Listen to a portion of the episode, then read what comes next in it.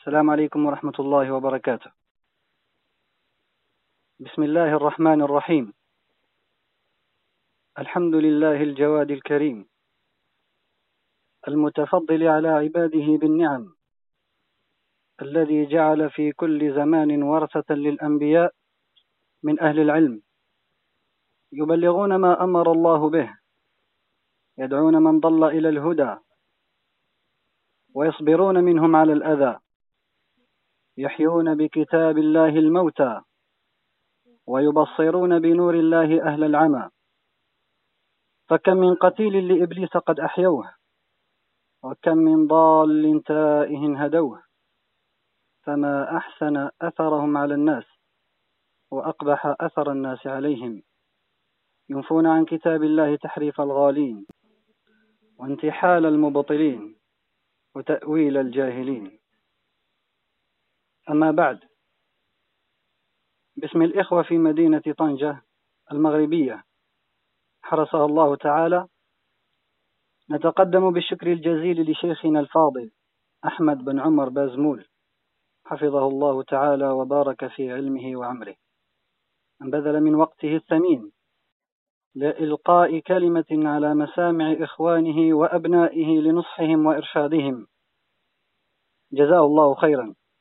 فنسأل الله جل وعلا الذي جمعنا في هذا المجلس المبارك مع شيخنا وإخواننا على طاعته أن يجمعنا مع سيد الدعاة المصطفى صلى الله عليه وسلم في جنته ودار كرامته.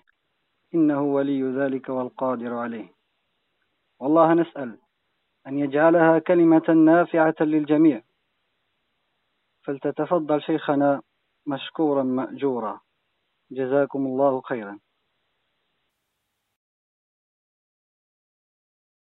بسم الله الرحمن الرحيم. إن الحمد لله نحمده ونستعينه ونستغفره ونعوذ بالله من شرور أنفسنا ومن سيئات أعمالنا. من يهده الله فلا مضل له ومن يضلل فلا هادي له. وأشهد أن لا إله إلا الله وحده لا شريك له. وأشهد أن محمدا عبده ورسوله. ألا وإن أصدق الكلام كلام الله وخير الهدى هدى محمد وشر الأمور محدثاتها وكل محدثة بدعة وكل بدعة ضلالة وكل ضلالة في النار. أما بعد فاتدارس واتذاكر مع إخواننا بمدينة طنجة بدولة المغرب. حرسها الله من كل سوء. وقبل البدء في المحاضرة أود أن أشكر القائمين على هذا اللقاء وعلى رأسهم ولاة أمرهم. وعلى رأسهم ولاة أمرهم. فأشكر الملك محمد السادس حفظه الله تعالى وأشكر أعوانه ووزراءه ورجال أمنه على تسهيلهم وتيسيرهم لطلبة العلم وللعلماء ولكل راغب في الخير والصلاح والإصلاح بالتي هي أحسن. فلهم في ذلك جهود مشكورة معروفة فجزاهم الله خيرا.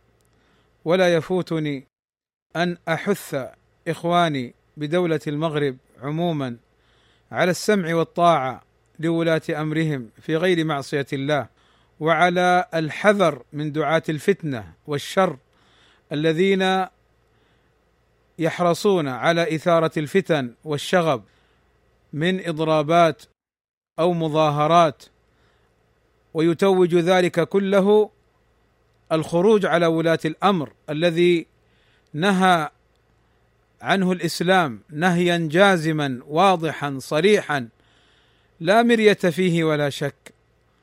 فأحث إخواني على السمع والطاعة وعلى السمع لولاة أمرهم وعلى الحذر من دعاة الفتنة. وأشكر إخواننا القائمين في هذا اللقاء أو على هذا اللقاء في مدينة طنجة. جزاهم الله خيرا.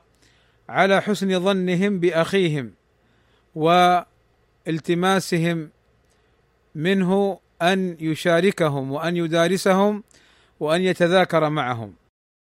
في هذا اللقاء الذي أسأل الله عز وجل أن يجعله خالصا لوجهه الكريم. وأسأل الله عز وجل أن ينفع به قائله وسامعه وكل مشارك فيه. حقيقة قبل أن أبدأ في المحاضرة احترت ماذا أختار. فوقع في قلبي كلمة للإمام الشافعي رحمه الله تعالى عظيمة ومهمة يحتاج إليها طلاب العلم بل يحتاج إليها عموم المسلمين. وهذه الكلمة هي قول الشافعي رحمه الله تعالى ما رفعت أحدا فوق منزلته إلا وضع مني بمقدار ما رفعت منه أو إلا وضع مني بمقدار ما رفعت منه. هذه الكلمة من الإمام الشافعي رحمه الله تعالى أود أن أتذاكر وأن أتدارس مع إخواني فيها. فأقول بارك الله فيكم. اولا أبتدئ بذكر مكانة الإمام الشافعي. محمد ابن إدريس الشافعي المطلبي رحمه الله تعالى أحد أئمة الهدى والفقه في الدين.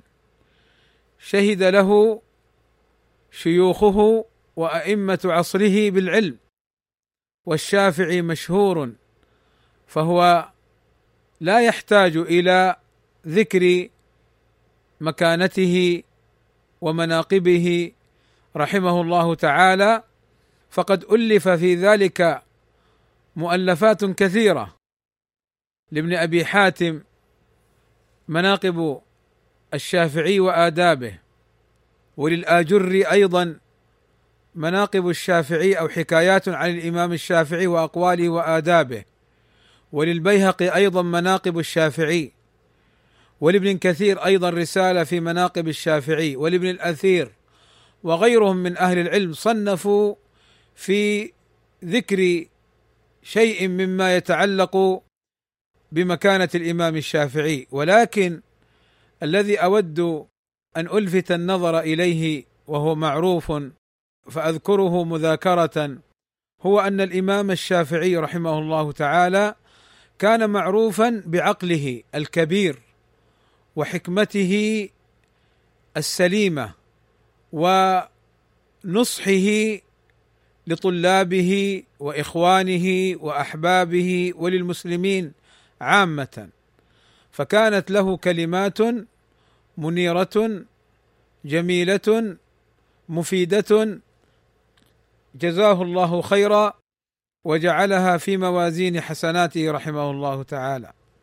فحينما نتدارس قول الشافعي فنحن نتدارس قول إمام معروف بعقله وحكمته وهو أيضا من طلاب الإمام مالك ابن أنس إمام دار الهجرة وقد استفاد منه وصحبه وأخذ عنه الموطأ وسمع منه الحديث وقد لقي كثيرا من أئمة الهدى. هذا الأمر الأول. وأما الأمر الثاني قبل أن أدخل إلى الفوائد الكثيرة المتعلقة بهذه الكلمة من الإمام الشافعي أود أن أذكر معنى هذه الكلمة باختصار. يقول الشافعي ما رفعت احدا فوق منزلته إلا وضع أو وضع مني بمقدار ما رفعت منه. يعني أن أي إنسان أثني عليه وأرفع من شأنه إلى مرتبة عليا هو لا يستحقها فوق منزلته أي فوق مرتبته.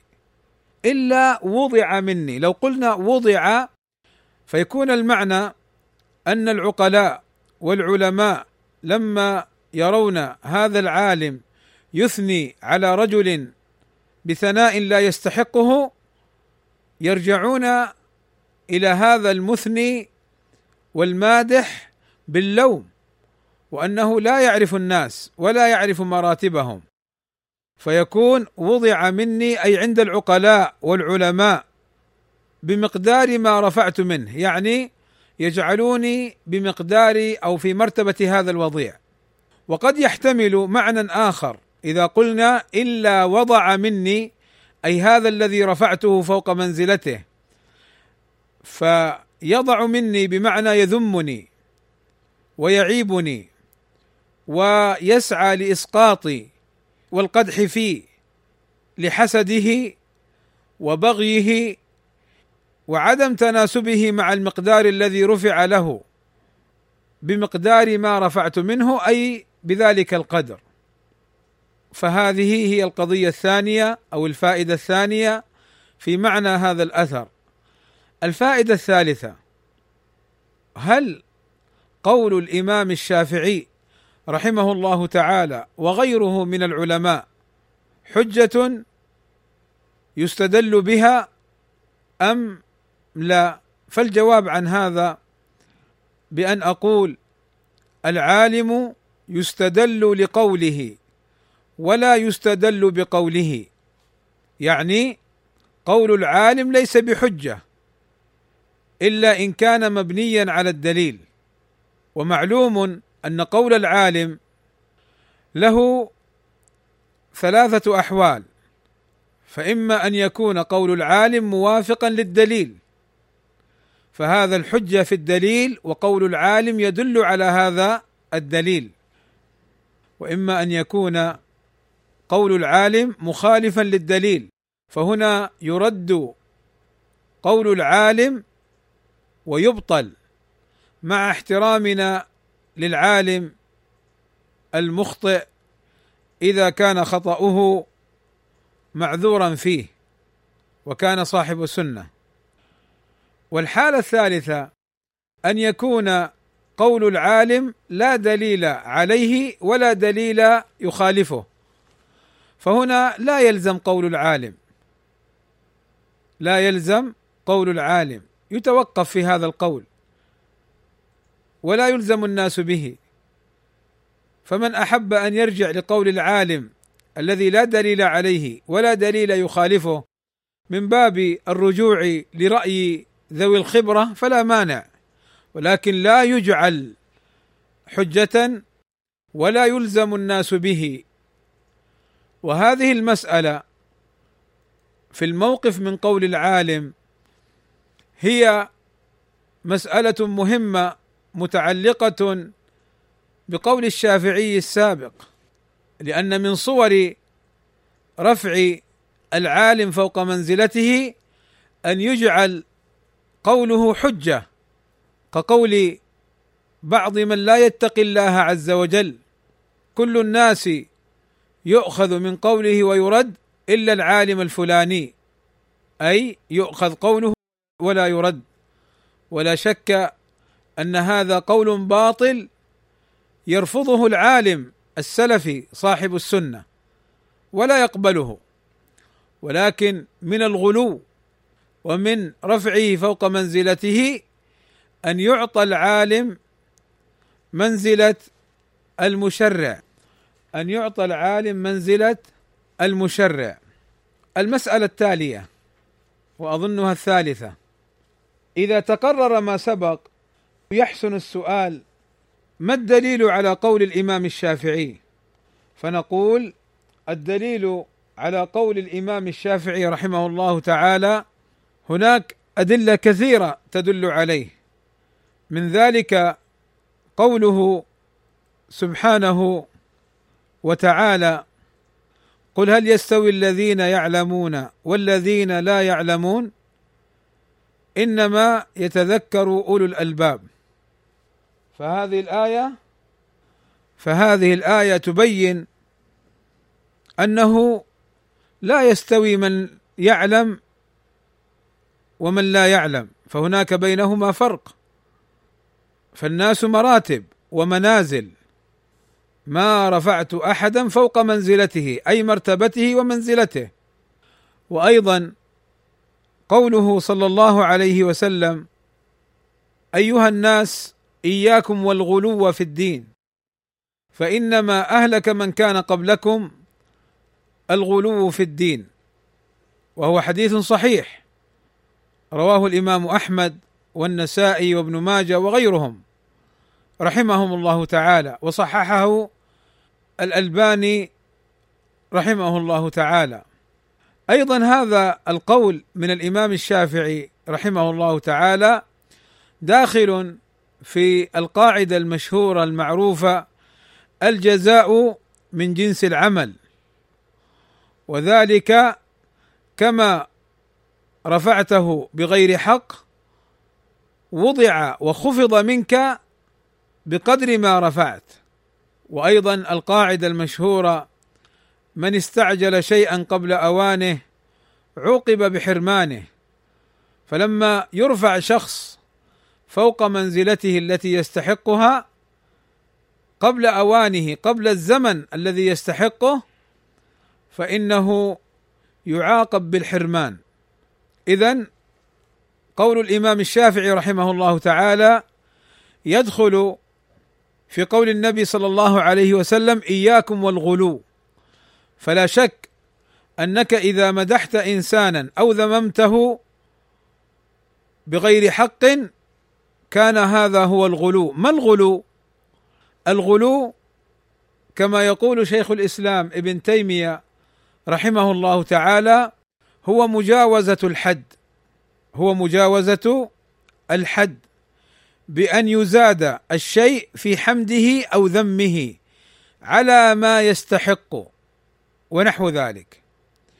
يقول شيخ الإسلام ابن تيمية رحمه الله الغلو هو مجاوزة الحد يعني القدر المستحق بأن يزاد الشيء في حمده في الثناء عليه. فيأتي لإنسان فيثني عليه بأنه عالم وفقيه ومحدث وأعلم أهل الأرض و و و وهو إنسان عادي. قد يكون مستفيدا وقد يكون حتى في بعض الأحيان لا يستحق أن يوصف بالعلم أصلا وهذه هي المصيبة. وكذا مجاوزة الحد بأن يزاد في ذمه قد يكون عالما. مفيدا مستفيدا له جهوده في الدعوة إلى الله فينتقص منه بأنه من الصغار بأنه ليس من الأكابر بأنه لا يعرف بطلب العلم هو معروف بالعلم ويعرفه العلماء فينتقص منه بزوايا غير معتبرة يقصد بذلك التقليل من شأنه وهو لو أثنى عليه لاستحق ذلك. فإذا الغلو بارك الله فيكم هو مجاوزة الحد بأن يزاد الشيء في حمده أو ذمه على ما يستحق ونحو ذلك. يقول ابن تيمية وقوله إياكم وقوله صلى الله عليه وسلم إياكم والغلو في الدين عام في جميع أنواع الغلو في الاعتقاد والأعمال فهذا الحديث وإن كان جاء في سياق الحج إلا أنه يدخل في جميع الاعتقادات والأعمال بل حتى والأقوال فهذا قد يدخل فيها الغلو. قال ابن تيمية أيضا والنصارى أكثر غلوا في الاعتقادات والأعمال من سائر الطوائف وإياهم نهى الله عن الغلو في القرآن. في قوله تعالى يا أهل الكتاب لا تغلوا في دينكم الآية. ثم بين صلى الله عليه وسلم بقوله فإنما أهلك من كان قبلكم الغلو في الدين. يقول ابن تيمية رحمه الله تعالى ثم علل ذلك بأن ما أهلك من قبلنا إلا الغلو في الدين كما تراه في النصارى وذلك يقتضي أن مجانبة هديهم مطلقا أبعد عن الوقوع فيما به هلكوا وأن المشارك لهم يعني الذي يغلو في اعتقاده أو في عمله في بعض هديهم أي طريقتهم يخاف عليه أن يكون هالكا. وهذه هي الفائدة الرابعة أو الخامسة وهي أن الغلو سبب للهلاك. وذلك بأن ترفع إنسانا فوق قدره فتثني عليه الثناء الكبير فيغتر به عامة الناس فيقتدون به ويجعلونه مرجعا وهو لا يستحق. وكم رأينا من بعض المتصدرين ممن يوصف بالوالد العلامة والشيخ الفهامة ثم يأتي ويجهل صغار مسائل العلم. بل ويفتي المسلمين بما قد يؤدي لهلاكهم بل وردتهم كما أفتى بعض هؤلاء الجهال المسلمين في بلاد الغرب بوجوب الهجرة مطلقا والانتقال إلى ديار المسلمين دون مراعاة للفتوى الشرعية وما يتعلق بها من مصالح من مصالح ومضار. وغيرهم يفتي في مسائل مخالفة للعقيدة مسائل لا يجهلها صغار طلاب العلم. والناس ينظرون إلى هذا القائل بأنه رفيع الرتبة عالي المنزلة. يقول صلى الله عليه وسلم إذا وسد الأمر إلى غير أهله فانتظر الساعة. يعني إذا أسند الأمر وأعطي الأمر إلى غير أهله المستحقين له فإن هذا من علامات خراب الدنيا وخراب الديار الذي يعقبه قيام الساعة. أيضا في قول الإمام الشافعي رحمه الله تعالى هذا من الفوائد حث لمراعاة الحكمة بأن توضع الأشياء مواضعها وتنزل منازلها. والله عز وجل قد أمرنا بالحكمة ومراعاتها في أدلة كثيرة في الكتاب والسنة لأن الحكمة وضع الأمر في موضعه فلا يرفع من شأنه ولا يخفض من قدره. وهذا سواء في المعاملات أو المخاطبات أو التعلم والتعليم كما يقول السعدي رحمه الله تعالى. ومن فوائد قول الإمام الشافعي رحمه الله تعالى أن الناس قسمان كما يقول السعدي. قسم لهم حق خاص. كالوالدين والأقارب والأولاد والجيران والعلماء وعلى رأسهم ولاة الأمر فولاة الأمر لهم حقوق خاصة تجب مراعاتها وتجب المحافظة عليها ومعرفتها. فهذا القسم الذين لهم حقوق خاصة يجب تنزيلهم منازلهم بإعطائهم حقوقهم. المعروفة شرعا وعرفا من التوقير والاحترام والإحسان والبر والصلة وكل بحسبه. وقسم ليس له مزية اختصاص بحق خاص وإنما لهم حق الإسلام العام. فهؤلاء حقوقهم مشتركة من منع الأذى والضرر بقول أو فعل. وأن تحب للمسلمين ما تحبه لنفسك من الخير وتكره لهم ما تكرهه لهم من الشر والحرص على إيصال ما يقدر عليه الإنسان من أنواع الإحسان للآخرين. فالناس ليسوا سواسية في هذه المعاملات إلا ما دل الدليل على اشتراك الناس في الشيء والحكم مثل القصاص والديات ونحو ذلك والحدود ونحو ذلك. ومن فوائد قول الإمام الشافعي أن الناس لا يعاملون معاملة واحدة. ولذلك نعلم كلنا قصة الاعرابي رضي الله عنه الذي أتى إلى النبي صلى الله عليه وسلم فبال هذا الاعرابي فبال في ناحية في طائفة في ناحية يعني جهة من جهات المسجد بال في المسجد. فالنبي صلى الله عليه وسلم ما زجره ولا أذن للصحابة أن ينكروا عليه بل قال لهم دعوه أي اتركوه حتى يقضي حاجته. بينما لو بال في المسجد رجل من أهل المدينة فإنه ينكر عليه ويشد عليه في الخطاب. يقول الشيخ العثيمين رحمه الله تعالى من فوائد قصة الأعراب أنه ينبغي بل يجب على الإنسان أن ينزل كل إنسان منزلته. لو أن الذي حصل منه البول في المسجد كان رجلا من أهل المدينة ممن يعرفون الأحكام الشرعية ما نعامله هذه المعاملة. لكن عاملنا هذا الاعرابي لأن الغالب عليه الجهل وعلى هذا فيكون من قواعد الشريعة أن الإنسان ينزل الناس منازلهم. انتهى. أيضا في قول النبي صلى الله عليه وسلم لما سأله الصحابي رضي الله عنه من أحق الناس بحسن صحابتي؟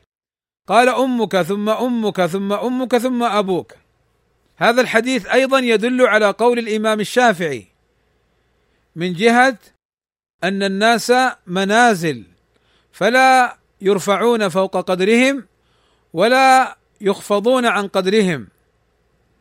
يقول بعض شراح مسلم في هذا الحديث تنزيل الناس منازلهم وأن يوفى كل أحد حقه على قدر قرباه وحرمته ورحمه. انتهى.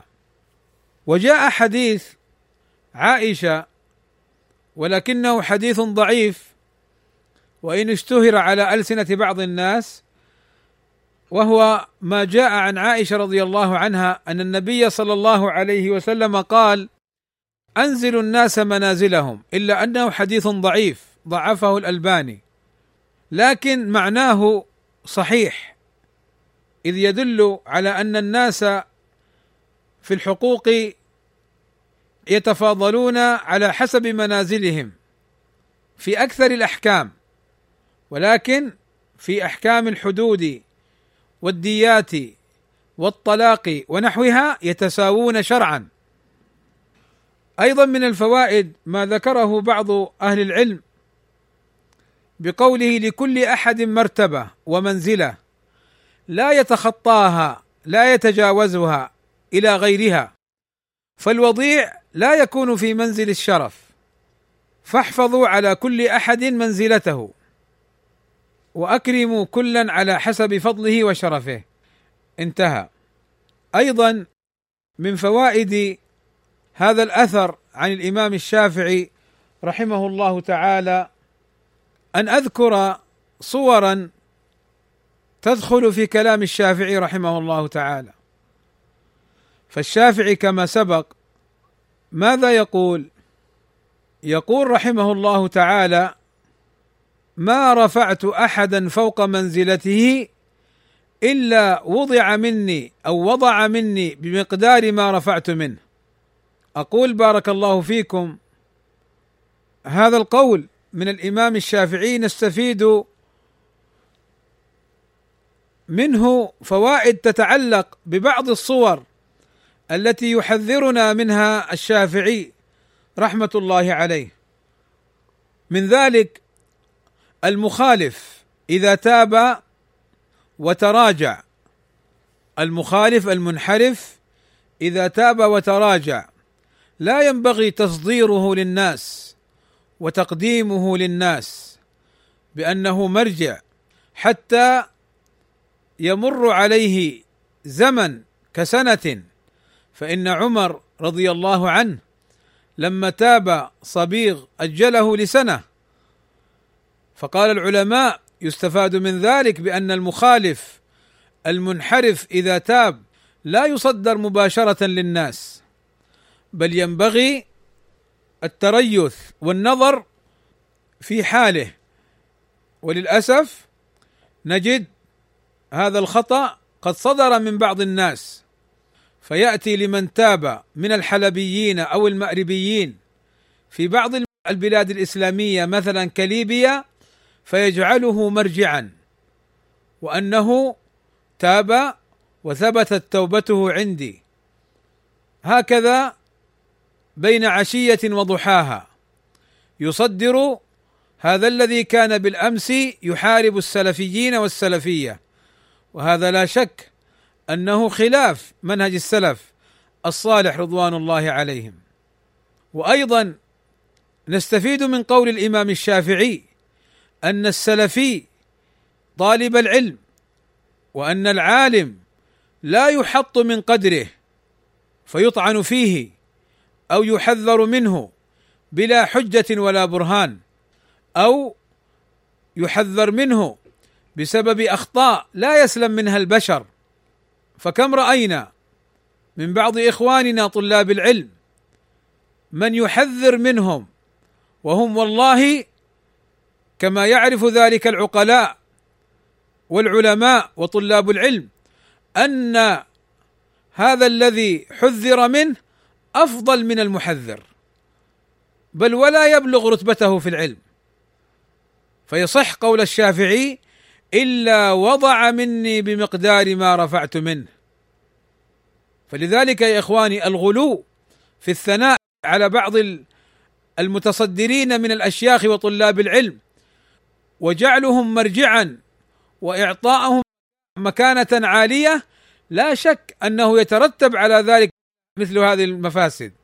فقل لي بربك سلفي طالب علم معروف بالعلم والتدريس والمنهج السلفي لسنوات طوال يحذر منه وينفر عنه لأنه أخطأ خطأ لا يسلم منه البشر. ثم يؤتى للحلبيين وللمأربيين بل بعضهم حتى لا يعرفون بحسن التوبة لا زال متلطخا متلوثا بالمنهج السابق. ومع ذلك يقدم في بعض البلاد الإسلامية بأنه مرجعا وأنه يستفاد منه فهذا بلا شك خطر عظيم وضرر جسيم. تأملوا ونتأمل جميعا قول النبي صلى الله عليه وسلم في الحديث المتفق عليه من حديث عبد الله بن عمرو بن العاص رضي الله عنهما قال سمعت رسول الله صلى الله عليه وسلم يقول إن الله لا يقبض العلم انتزاعا ينتزعه من العباد ولكن يقبض العلم بقبض العلماء. حتى إذا لم يبق عالما اتخذ الناس رؤوسا جهالا فسئلوا فأفتوا بغير علم فضلوا وأضلوا. فهذا الذي يجعل هؤلاء التائبين من انحراف سابق رؤوسا ومرجعا للسلفيين ويحط ويضع ويجرح ويقدح في السلفيين لا شك أنه أخطأ خطأ جسيما وكان سببا في قبض العلم لأن العلم قبضه بقبض العلماء وبعدم الاستفادة منهم ومن صور قبض العلم انتبهوا لهذا إخواني ومن صور قبض العلم أن تجعل المرجعية لجاهل أو لا يستحق في العلم شيئا. لأن الناس إذا أخذوا العلم عن العلماء نقلوه لمن بعدهم. فإذا من هذا الذي يقول مثلا أن الرحمن ليس اسما لله عز وجل أو أن الله ليس من أسماء الله الحسنى أو ذاك الجاهل الذي يقول أن الله يخلق أفعاله تعالى الله عما يقول. أو ذاك الجاهل الذي يقول كذا وكذا. اذا الناس لم يتعلموا العلم بل تعلموا خلاف الدين وضد الدين. فيكون صورة من صور قبض العلم والدين. بارك الله فيكم. أيضا مما يدخل في كلام الشافعي أن الجاهل لا يرفع فوق قدره فيجعل عالما ومرجعا. فكم سمعنا من تزكيات للأسف لبعض الناس ممن لا يعرف شيئا في العلم وليس معروفا بالعلم إنما هو من جلساء العالم أو من أقربائه أو من بوابيه أو لأنه أو أنه يؤيد قوله فيثني عليه ولو كان جاهلا. ويقدح في العالم لأنه يخالفه في قوله ولو كان عالما. هذه مصيبة إخواني. ثم أيضا مما يدخل في قول الإمام الشافعي رحمه الله تعالى بأن يكون هؤلاء الجهال المحيطين بالعالم بطانته هم الذين يؤثرون عليه في أقواله وفي آرائه بأن يثق بهم ويقول حدثني الثقات ويكون هم مصدر المعلومات التي تبلغه فينتج عن ذلك أقوال متضاربة لا توافق الواقع ولا توافق الحق بل هي مخالفة للحق بسبب هؤلاء الذين يسيرون ويؤثرون على العالم. وانتبهوا إخواني قضية بطانة العالم لها صورتان. الصورة الأولى يعني قضية أن العالم يؤثر عليه من حوله لها صورتان. الصورة الأولى أن تكون مجرد دعوة لا حقيقة لها فأقوال العالم واختياراته موافقة للحق ولم يتأثر بمن حوله. فهنا لا يقال البطانة تؤثر على العالم. وأما الصورة الثانية ان تكون أقوال العالم متضاربة مخالفة للحق مخالفة للواقع فيها ضرر على الدعوة. فهنا هذه قرائن تدل على أن هذه البطانة تؤثر في العالم. فبعض الناس يفتح الباب ويذم العالم مطلقا هذا خطأ. وبعض الناس يقول العالم ابدا لا تؤثر عليه بطانته وهذا أيضا قول خاطئ. بارك الله فيكم. فلا بد من الفهم ومن معرفة هذه الأمور.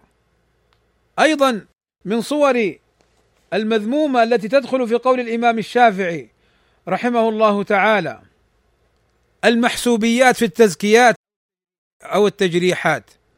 وذلك إذا كنت صديقي أو معي أو توافقني أو صديق صديقي فأنا أثني عليك. ولو كنت تستحق الجرح. أو لا تستحق المدح أصلا. وإن كنت تخالفني أو تخالف من أحب ومن يجالسني فأنا أقدح فيك. فنعوذ بالله أن تكون هذه الأمور صادرة ممن يتأمل ويرجى أن لا يصدر منهم مثل هذه الأمور. فكم وجدنا من بعض العلماء للأسف لما أثرت عليه البطانة وأن كلامه الحاضر يخالف كلامه السابق. وهذا دلالة على تأثير البطانة كما سبق. بارك الله فيكم. أيضا من الصور المذمومة الداخلة في في كلام الإمام الشافعي رحمه الله تعالى صور مهمة وهي أنه ينزل العالم منزلة الحاكم. فيؤمر بالسمع والطاعة له مطلقا. ويقدم قول العالم على الحاكم بل ويقال بأن العالم من الحكام على العامة. وهذا خطأ بارك الله فيكم. فالعالم كما سبق في مقدمة الكلمة إن وافق الحق يقبل قوله لموافقة الدليل لا لأنه فلان وعلان. وإن خالف الحق يرد قوله لأنه خالف الدليل. وإن لم يوافق ولم يخالف فقوله غير معتبر. من شاء أن يستفيد منه دون إلزام ودون اعتباره حجة فلا مانع من ذلك. ومن شاء تركه فلا يلام ولا يذم. فلا شك أن اعتبار العالم في منزلة الأمير هذا خطأ جسيم. فليس للعالم أن ينزل نفسه منزلة الحاكم. وليس لطلاب العلم أن ينزلوا هذا العالم منزلة الحاكم. فإن هذا باب عظيم. فإنما الذي يسمع له ويطاع في غير معصية الله هو الحاكم. سواء شوفوا يقول الشيخ العثيمين رحمه الله تعالى في كلام له يقول الحاكم إذا أمر بأمر لا يخلو من ثلاث صور. الصورة الأولى أن يأمرنا بأمر الله ورسوله قد امرا به.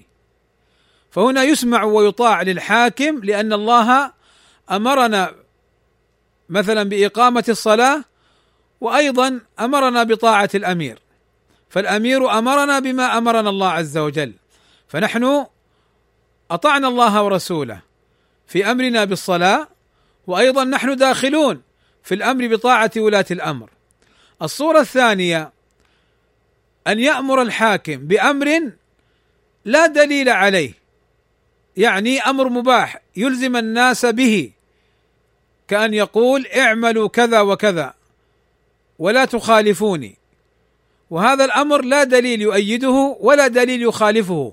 فهنا يجب السمع والطاعة لولي الأمر لأن الله أمرنا بالسمع والطاعة له. فيدخل فيه حتى المباحات أو المستحبات.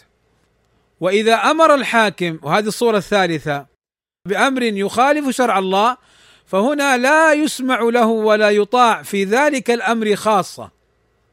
وهذا الفرق بين العالم والحاكم. فالعالم في الأمور المستحبة أو الأمور المباحة لا يجب الإلزام بقوله والإلزام بقوله قول باطل عاطل. ولكن الحاكم الشرعي ولي الأمر الأدلة الشرعية تدل على ذلك.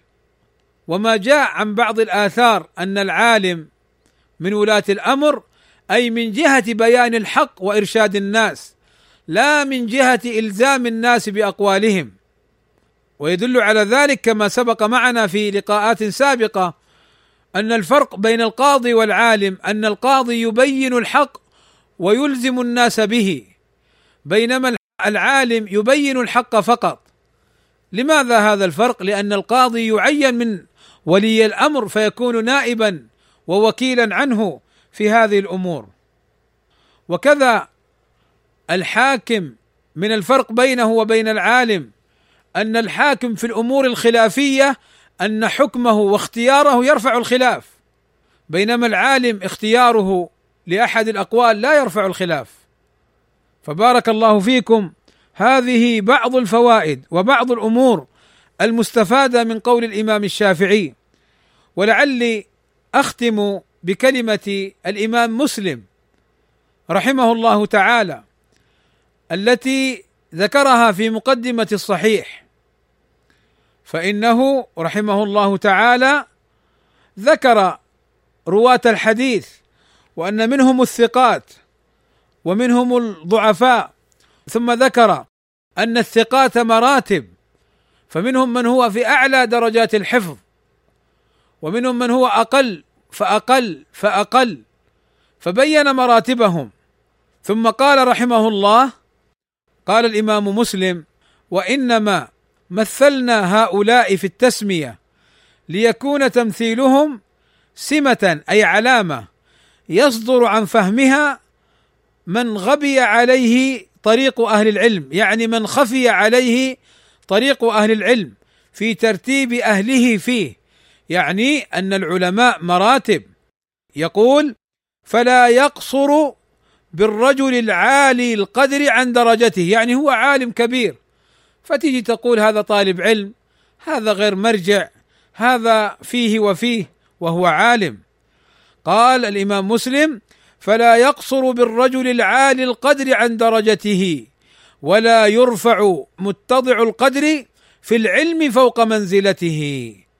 يعني إنسان ما هو عالم لو كان عنده علم مما لا يخفى على صغار طلاب العلم ولكن ليس عنده ليس عنده من العلم الكثير. فهذا طالب علم يستفاد. ولذلك أنا أذكر أن بعض المشايخ كان يستنكر على بعض طلاب العلم تسمية بعض المتصدرين بالعلامة أو حتى بالشيخ. يقول والله حتى شيخ كثير عليه هذا طالب علم. فالعلم ليس بالسن. العالم لا يعرف بثناء العوام وثناء الجهال إنما يعرف العالم بثناء العلماء عليه. ويعرف العالم بعلمه. فيقول الإمام مسلم فلا يقصر بالرجل العالي القدر عن درجته ولا يرفع متضع القدر في العلم فوق منزلته ويعطى كل ذي حق فيه حقه وينزل منزلته. انتهى كلامه رحمه الله تعالى. فهذا الكلام من الإمام مسلم كلام متوافق متوائم مع كلام الإمام الشافعي ومع منهج السلف الصالح رضوان الله عليهم أجمعين. ومع الأدلة كما سبق وأن ذكرت لكم الدالة على صدق وحجة ما قاله الإمام الشافعي في هذا الباب. فيا إخواني بارك الله فيكم. هذه زوايا وفوائد وجوانب تدارستها معكم في قول الإمام الشافعي هذا رحمه الله تعالى. ولا أنسى في نهاية هذه الكلمة وفي نهاية مدارستي لكم أن أذكر إخواني أن أذكر إخواني جميعا بأمر مهم ألا وهو إن الفتنة الحاصلة بين السلفيين سببها الغلو في بعض المشايخ. إما أن يكون عالما فعلا له قدره ومكانته ولكن تعظم أقواله بدرجة عالية فلا ينظر للدليل ولا ينظر للحجة إنما قال فلان. فيجعلون قول فلان هو الحجة من حيث هو. فهذا بلا شك من الغلو. وبعضهم رفع فوق قدره وجعل مرجعا وهو لا يستحق أن يكون مرجعا إما لقلة علمه وإما لكثرة فتنه ومخالفاته وتفريقه للسلفيين.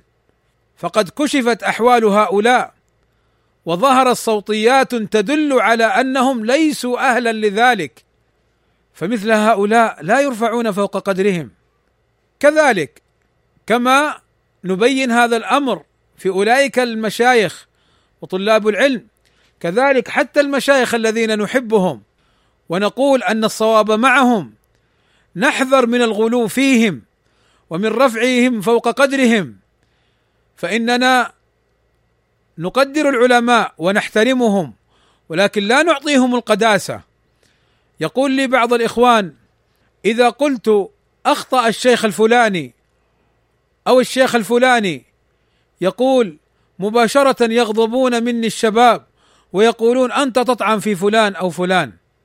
فمثلا لو قلت أخطأ الشيخ في مسألة كذا وكذا بدليل كذا وكذا لا ينظرون إلى الحجة ولا ينظرون إلى الخطأ بل ينظرون إلى هذا الشيخ ويعظمونه فيردون الصواب ويدافعون عن الخطأ فلا شك أن هذا من الغلو.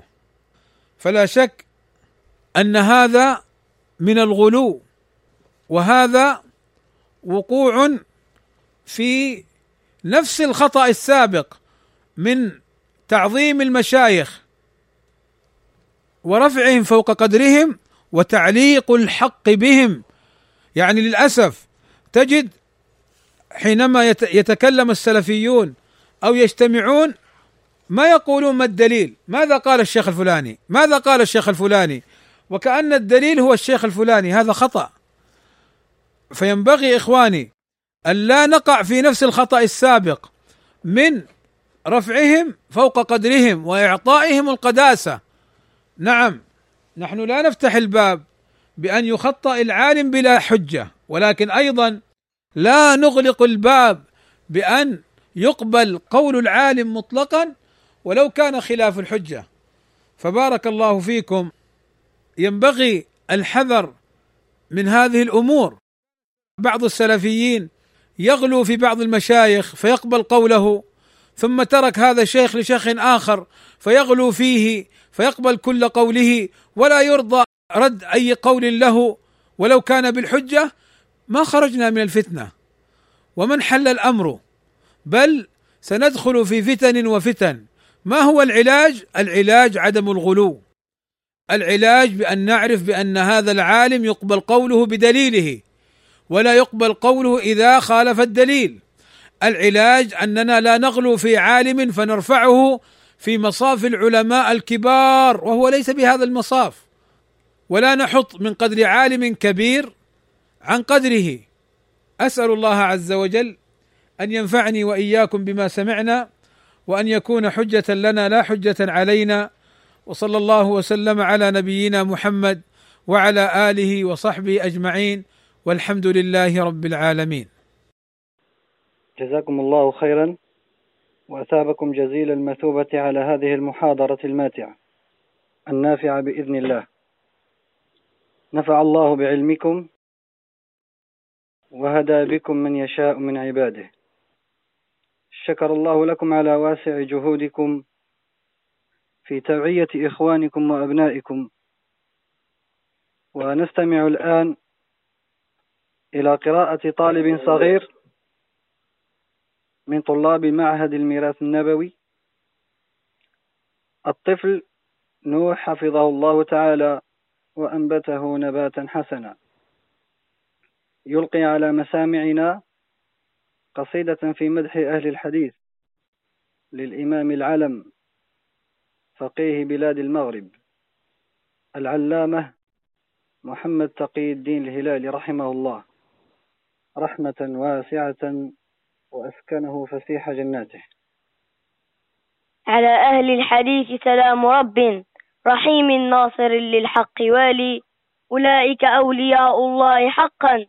وغيرهم من العرفان خالي إذا ما لم أكن منهم فإني محب في اتباع غير آلي ومن يحبب أناسا فهو منهم كذلك جاء عن خير الرجال ومن يتبع سبيلهم فناج ليوم الحشر يلفى في ظلال وأعداء الحديث أتوا ظماء ولا ورد لديهم غير آلي ألا من مبلغ الأقوام أني لأعداء الحديث الدهر قالي وأصحاب الحديث هم صحابي لهم حبي ومولاهم أوالي أحبهم وأقلي من قلاهم ولا أصغي إلى قيل وقالي ولست بآلف يوما سواهم وما أنا عن محبهم بسالي فهم أهل النبي ومن عداهم قصي نازح عن ذا المحال فما لي غير أحمد من إمام.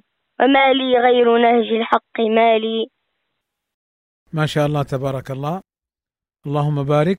أسأل الله عز وجل أن يبارك فيك وأن ينشئك النشأة الصالحة وأن يبارك في والديك.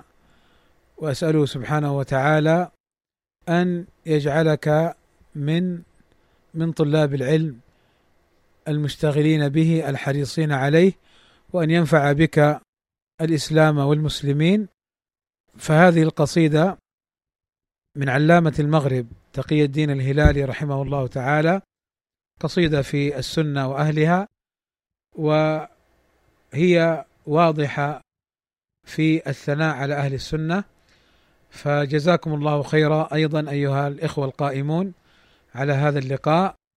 حين ختمتم هذا اللقاء بهذه القصيدة والسلام عليكم ورحمة الله وبركاته.